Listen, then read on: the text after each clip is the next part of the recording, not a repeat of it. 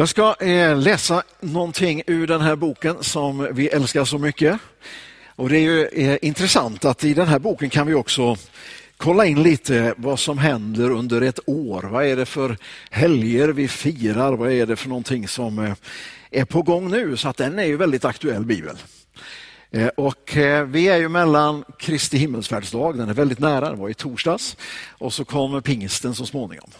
Och där tänkte jag att vi skulle landa lite grann och då möter vi Jesus när han är tillsammans med dem som han har utvalt att följa honom, som han kallar för sina vänner, som han ger väldigt mycket tid till, som han uppmuntrar och som han låter få se en massa mirakler och mäktiga saker hända. Eh, han är tillsammans med dem och så säger han det där eh, sista som ju man då kan tänka att det måste ju vara väldigt viktigt för Jesus att få säga det. Och det var det. Han hade någonting att säga som det allra sista att lämna liksom efter sig när han skulle ryckas upp. Men i den här texten så ser vi också två andra grejer som jag vill stanna lite inför. Det är det att de här vännerna som hade gått med Jesus, de var inne på eh, vissa tankespår som eh, eh, inte var det viktigaste. Eh, och då gjorde Jesus en väldigt intressant sak. Läs, eh, eller kolla in det när vi läser texten här. Eh, och sen var det också så att himlen kom med en, alltså den eviga världen, den där osynliga världen som vi kallar himlen, kom med en hälsning till dem som också är väldigt fantastisk. När vi upplever att vad blir det av det här? Vad är det som händer? Då har himlen någonting att säga till oss som är väldigt viktigt. Så då läser vi, är du beredd nu så kör vi från Apostlagärningarna kapitel 1 från den fjärde versen. Vid en måltid med apostlarna befallde han dem, lämna inte Jerusalem utan vänta på vad Fadern har lovat, det ni har hört om mig. Johannes döpte med vatten, men ni ska om några dagar bli döpta i den helige ande. När de nu var samlade frågade de honom, Herre, är tiden nu inne då du ska återupprätta riket åt Israel? Han svarade dem, det är inte er sak att veta vilka tider och stunder som Fadern i sin makt har bestämt. Men när den helige ande kommer över er ska ni få kraft och bli mina vittnen i Jerusalem, i hela Judeen och Samarien och ända till jordens yttersta gräns. När han hade sagt detta såg de hur han lyftes upp och ett moln tog honom ur deras åsyn. Medan de såg mot himlen dit han steg upp stod plötsligt två män i vita kläder hos dem. De sa Galileer, varför står ni här och ser mot himlen? Den Jesus som togs från er till himlen, han ska komma tillbaka på samma sätt som ni såg honom stiga upp till himlen. Det är vad Bibeln säger, vad som hände och varför vi firar Kristi himmelsfärdsdag. Det kanske är ett ganska diffust begrepp det där för många människor, men nu ska jag ta dig med lite grann i vad det handlar om. Jesus hade vandrat omkring här nere som jag sa, han hade haft med sig de här vännerna och nu så skulle han lämna dem för att det han skulle göra var fullbordat. Han hade kunnat säga de orden när han hängde på korset, det är fullbordat. Segern är vunnen. I hans död och hans uppståndelse så övervann han synden och döden. Han tog våra och hela mänsklighetens synd på sig, han som ingen synd hade gjort. Och han bar det i vårt ställe upp på korset. Där offrade han sig själv, han lät sig dödas. Han blev inte dödad, han, man tog inte hans liv utan han valde detta. Där överlät han sig och gav upp andan, men han gjorde inte det i ett nederlag utan han sa det är fullbordat. Det är fantastiskt. En av dem som var korsfästa tillsammans med honom, det var ju två, eh, två människor som var dömda för att de hade gjort något eh, fruktansvärt. De hade fått sitt straff och de hängde där. En av dem sa till Jesus, tänk på mig när du kommer i ditt rike. Han tog vara på Jesu närhet och bad till honom. Och Jesus sa, idag ska du vara med mig i paradiset. Alltså Jesus dog inte för evigt, utan Jesus dog för att vinna seger över synden och döden och han gjorde det.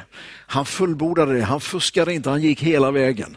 Vi älskar Jesus därför. Det är inte underligt att vi lovsjunger Jesus och att vi kan bli så överlyckliga så att vi ropar halleluja av hela hjärtat. därför att Jesus har gjort det vi inte kunde, han har vunnit segern. På tredje dagen uppstod han och nu när han var tillsammans med sina vänner, då hade han ju uppstått från de döda. De var ju jätteglada för det. Men samtidigt så sa han att jag ska lämna er. Men jag ska inte överge er. Jag ska lämna er på det sättet jag har varit här, ska jag inte vara kvar, men jag ska göra någonting nytt. Ni ska få uppleva någonting annorlunda. Och Det är så med Jesus. När vi tänker att nu är det besvärligt, nu stängs dörrar, nu känns det hopplöst. Då säger han alltid, nej, nu börjar det. Nu kommer det någonting nytt. Nu öppnas nya dörrar. Och Det var det Jesus ville tala med dem om här.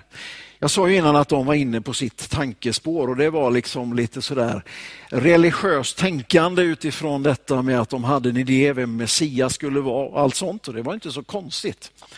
Det var ganska eh, logiskt att de hade de här tankebanorna men eh, tänkte du på att Jesus säger så här, nej, fel spår. Det är inte er sak att veta om det här. Och så säger han, men och så presenterar han det som var det viktigaste för honom att säga. Och Låt mig bara stanna lite inför det där att jag själv är sån så att jag behöver säga till Gud ibland, jag behöver säga till Jesus ibland, hjälp mig att inte köra fast i fel tankespår. Därför att det finns viktiga saker, men det finns något som är det viktigaste. Och Det jag ibland tänker är viktigt eller omgivningen lägger på mig som viktigt, det kanske jag behöver hjälp att kunna lämna och få se vad är det som är verkligt viktigt. Vad är det viktiga? Eh, och Man kan ju fundera på vad är det då som är lätt för oss att fastna i? Ja, det är klart vi, vi lever i ett informationssamhälle där vi bara, eh, ja, det bara trycks på oss en massa information. Och Jag har under den sista tiden ibland tänkt så här, det är gott att man inte behöver veta allt. Det är gott att man inte behöver veta allt om corona. Det är gott att man inte behöver veta allt om eh, allt som händer runt omkring. Utan att man får ibland lämna saker som inte är det viktigaste och söka det som är det viktigaste. Och Det skulle jag vilja uppmuntra dig att säga till Gud. Gud, i den här tiden som är nu, hjälp mig att jag får söka det och få tag på det som är det allra mest väsentliga. Därför att det är också ofta väldigt överraskande och det öppnar upp nya världar. Det var ju det Jesus ville. Han ville liksom öppna den där dörren till det nya. Han ville säga välkomna in i någonting nytt spännande här nu. Han hade redan tidigare sagt till dem att det är bra att jag går bort. För när jag går bort då kommer ni att få ta emot av den helige ande. Och Det var ju det spåret han var inne på. Det är min andra punkt. När vi släpper slipper det som är kanske fråga om att försöka ha kontroll, ha koll på läget, veta saker, eh, fatta och kunna få saker in i våran box. Då säger Gud, det finns en större box, det finns en större verklighet. Det finns någonting ni inte har sett än. Det finns någonting mer som du inte har smakat på. Och det som då de upplever att nu är det kärvt läge, nu ska Jesus lämna oss och här är vi. Och vi lever, kan vi säga, isolerat. Vi är en liten utsatt grupp i samhället. Men Jesus talar om att när den heliga ande kommer över er, då ska ni få kraft och ni ska bli mina vittnen. Och det är inte bara här utan det är hela världen. Alltså det öppnas helt nya perspektiv. Det öppnas en ny värld för dem. Och Det är ju den andra punkten här, vad Jesus verkligen ville säga till dem som han skulle lämna, det var det. Ta emot den heliga ande. Ta emot den heliga ande. Och det är pingstens hälsning, men det är också Kristi himmelsfärdsdagens hälsning till oss som troende. Den helige ande är vår hjälpare. Den helige ande är kraft ifrån höjden som är vår hjälp i våra svagheter och våra begränsningar. Våra svagheter, våra begränsningar är inte det som är det viktigaste, utan det viktigaste är, och det var det Jesus ville få in dem på, det är det finns kraft. Eh, I ett av breven säger Paulus här, hämta nu styrka hos Herren av hans oerhörda kraft. Och Det är min hälsning till dig idag som också eh, eh, lyssnar och är med oss. Det finns en sån oerhörd kraft hos Gud. För dig det finns en utrustning, det finns möjligheter, det finns nya världar som Gud vill öppna för dig som du inte hade en aning om eller inte vågade tro för att de fanns där. Och den helige ande är din kraft, din hjälpare. Han är med dig, han fördömer inte utan han talar om nya möjligheter. Han öppnar upp nya dörrar. När vi försöker att få koll på läget och ha våra egna tankespår som det viktigaste så fastnar vi väldigt ofta i våra och i omgivningens begränsningar. Men Gud öppnar nya dörrar. Den helige ande är din stora tillgång och resurs. Så säg Jesus, jag tar emot helig ande. Den heliga ande är gjuten, utgjuten, löftet är givet, gåvan finns där. Så du och jag får säga ja tack och ta emot det. Eh, de blev uppmanade här, eh, Jesu vänner, att eh, vänta. Vänta på den dag eller den stund när detta skulle hända. Och Jesus väckte den här nyfikenheten och förväntan hos dem. Och den nyfikenheten och förväntan den gjorde att de bad. De var tillsammans och de bad. Och när vi kristna inte vet riktigt vad vi ska göra så ska vi be. Det är vår möjlighet och när vi inte vet hur saker ska gå, ting, gå till, då är det den helige ande som har svaret på de frågorna. Den helige ande har svaret på frågan hur ska det gå till? Och när vi ber, då ändrar vi inte Guds planer så att han blir på gott humör, utan vi kommer till Gud och säger Gud, jag vill ta emot av allt det du har. För att du är god och du har resurser. Den helige ande in i våra liv.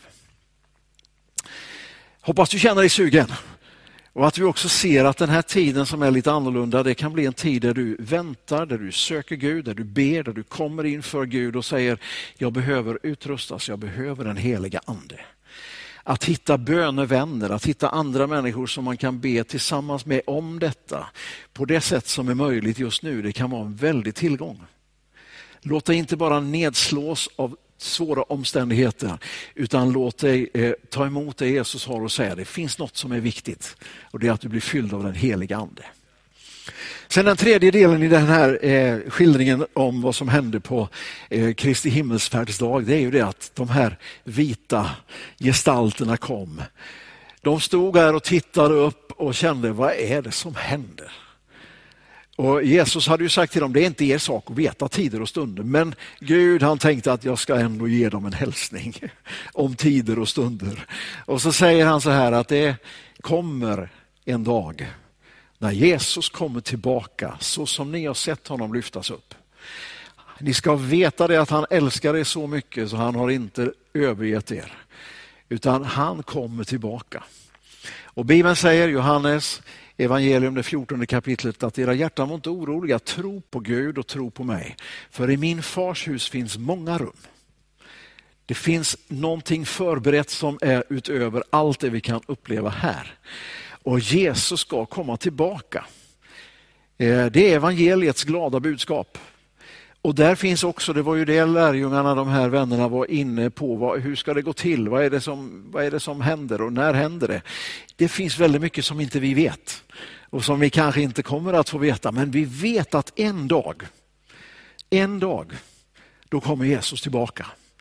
Och Vi vet att de som har gett sina liv till honom ska få möta honom i härlighet och glädje. Han kommer som kungars kung och herrars herre. Och han kommer att ta emot dem som tror på honom i stor glädje och i stor entusiasm. Och Det är det kristna hoppet som sträcker sig bortom både sjukdom och lidande och orättvisor och nöd. Som sträcker sig bortom allt det med klimathot och allt annat ont som är över detta och som handlar om nya himlar och en ny jord som handlar om att Jesus Kristus är kung. Guds riket bryter igenom fullt ut. Den härliga värld där det inte finns synd och sjukdom och orättvisor och ondska. Och du är skapad för att vara med. Du är skapad för att vara en som är med i den världen. Du är inte skapad för att gå under. Du är inte skapad för att lida nederlag. Du är inte skapad för kaos och ondska. Utan du är skapad för att vara ett Guds barn som lever i gemenskap med honom här och nu och som får komma och möta Jesus den dagen han kommer tillbaka. Nu ska vi be tillsammans. Eh, och Jag tror att eh, det är så här att eh, du har upplevt att den här gudstjänsten har rört vid någonting hos dig. Och Det kanske är en ovanlig eh, upplevelse för dig. Och du vet inte riktigt vad är det som händer. Men jag vill säga att det är Gud som talar till dig. Det är den heliga ande som verkar, det är Guds ord som vi läser och vittnesbördet som är levande ord som kommer in i din tanke och in i ditt hjärta. Och Du ska inte vara rädd för det, för Gud är en god Gud. Det var så det började med mig. Det var inte jag som kom på att jag skulle söka Gud, utan Gud sökte mig. Han älskar mig så mycket så han kom till mig och talade till mig. Och Han älskar dig så mycket så han kommer till dig och talar till dig. Och Han vill att du säger Jesus, här är jag, ta hand om mig. Han vill ha gemenskap med dig. Han vill upprätta relationen. Han vill skapa den här helheten som han vill att du ska få uppleva som du är skapt för. Att leva med Gud här och nu och ha ett framtidshopp. Så be en enkel bön där du är. Eh, jag kan be några meningar och du kan be efter mig. Eh, bara följa efter i de meningarna och gör det utifrån ditt hjärta så kommer Jesus att möta dig. Och Bibeln säger att om du i ditt hjärta tror att Gud har uppväckt Jesus från de döda, då blir du frälst. Om du bekänner hans namn så blir du räddad. Så i en enkel bön så bekänner du att du tror att Jesus är för dig, att det här är på riktigt och att det gäller dig. Du behöver inte kunna omfatta allt som Bibeln säger eller säga att du tror på alla detaljer. Men du säger Jesus, jag kommer till dig. Jag behöver dig, ta hand om mig. Och så bekänner du det med en enkel bön. Då är du ett Guds barn.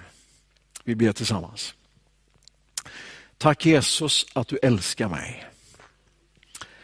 Tack Jesus att du gav ditt liv för mig. Och tack Jesus för att jag får komma till dig nu. Jesus, jag bekänner dig som Herre i mitt liv. Jag ber förlåt mig min synd att jag har vänt mig bort ifrån dig. Och jag ber Jesus att jag ska få vara ditt barn. Och jag tackar dig för frälsningen. I Jesu namn. Amen. Ja, tack Jesus för att vi har fått fira den här gudstjänsten och fortsätta nu i lovsång och tillbedjan.